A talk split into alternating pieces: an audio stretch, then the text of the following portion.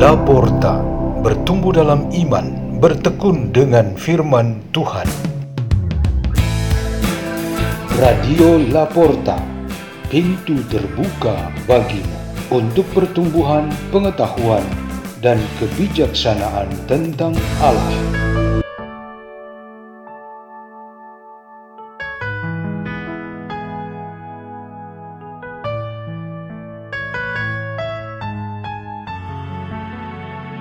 Bacaan dan Renungan Sabda Tuhan Hari Jumat Pekan Kedua Prapaskah 1 Maret 2024 dibawakan oleh Vikti dan Windu dari Gereja Kristus Raja Paroki Bajiro, Keuskupan Agung Semarang, Indonesia.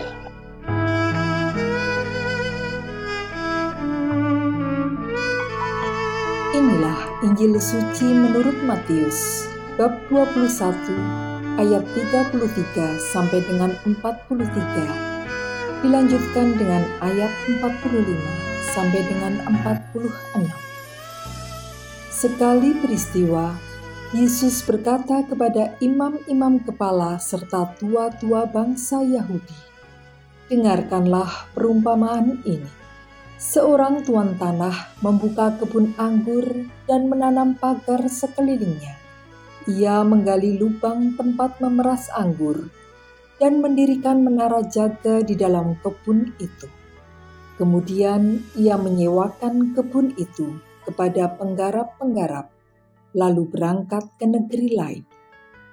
Ketika hampir tiba musim petik, ia menyuruh hamba-hambanya kepada penggarap-penggarap itu untuk menerima hasil yang menjadi bagiannya.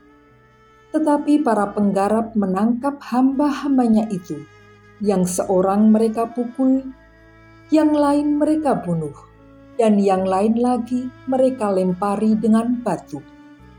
Kemudian tuan itu menyuruh pula hamba-hamba yang lain lebih banyak daripada yang semula. Tetapi mereka pun diperlakukan sama seperti kawan-kawan mereka. Akhirnya Tuan itu menyuruh anaknya kepada mereka, pikirnya, anakku pasti mereka segani. Tetapi ketika para penggarap melihat anak itu, mereka berkata seorang kepada yang lain, "Ia adalah ahli waris. Mari kita bunuh dia, supaya warisannya menjadi milik kita." Maka mereka menangkap dia dan melemparkannya keluar kebun anggur itu, lalu membunuhnya. Maka, apabila tuan kebun anggur itu datang, apakah yang akan dilakukannya dengan penggarap-penggarap itu? Kata imam-imam kepala dan tua-tua itu kepada Yesus, "Ia akan membinasakan orang-orang jahat itu, dan kebun anggurnya akan disewakannya kepada penggarap-penggarap lain yang akan menyerahkan hasil kepadanya pada waktunya. Kata Yesus kepada mereka, "Belum pernahkah kamu baca dalam kitab suci, batu yang dibuang oleh tukang-tukang bangunan telah menjadi batu penjuru? Hal itu terjadi dari pihak Tuhan, suatu perbuatan ajaib di mata kita." Sebab itu, aku berkata kepadamu, kerajaan Allah akan diambil daripadamu dan akan diberikan kepada suatu bangsa yang akan menghasilkan buah kerajaan itu. Mendengar perumpamaan Yesus itu, imam-imam kepala dan orang-orang Farisi mengerti bahwa merekalah yang dimaksudkannya. Maka mereka berusaha menangkap dia tetapi mereka takut kepada orang banyak, karena orang banyak itu menganggap Yesus nabi. Demikianlah sabda Tuhan.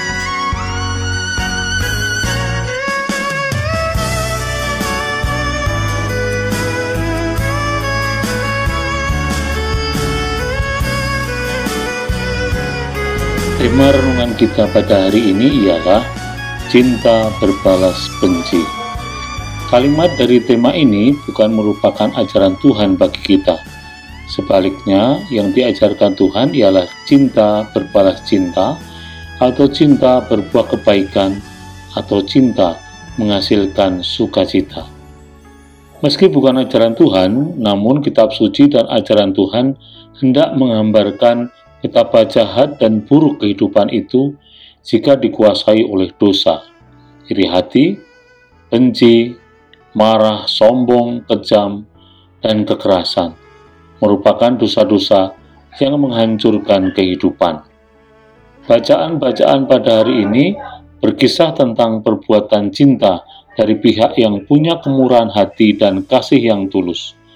Perbuatan itu dibalas dengan kebencian dan kemarahan yang berujung pada kehancuran dan kebinasaan utusan yang membawa pesan kasih itu.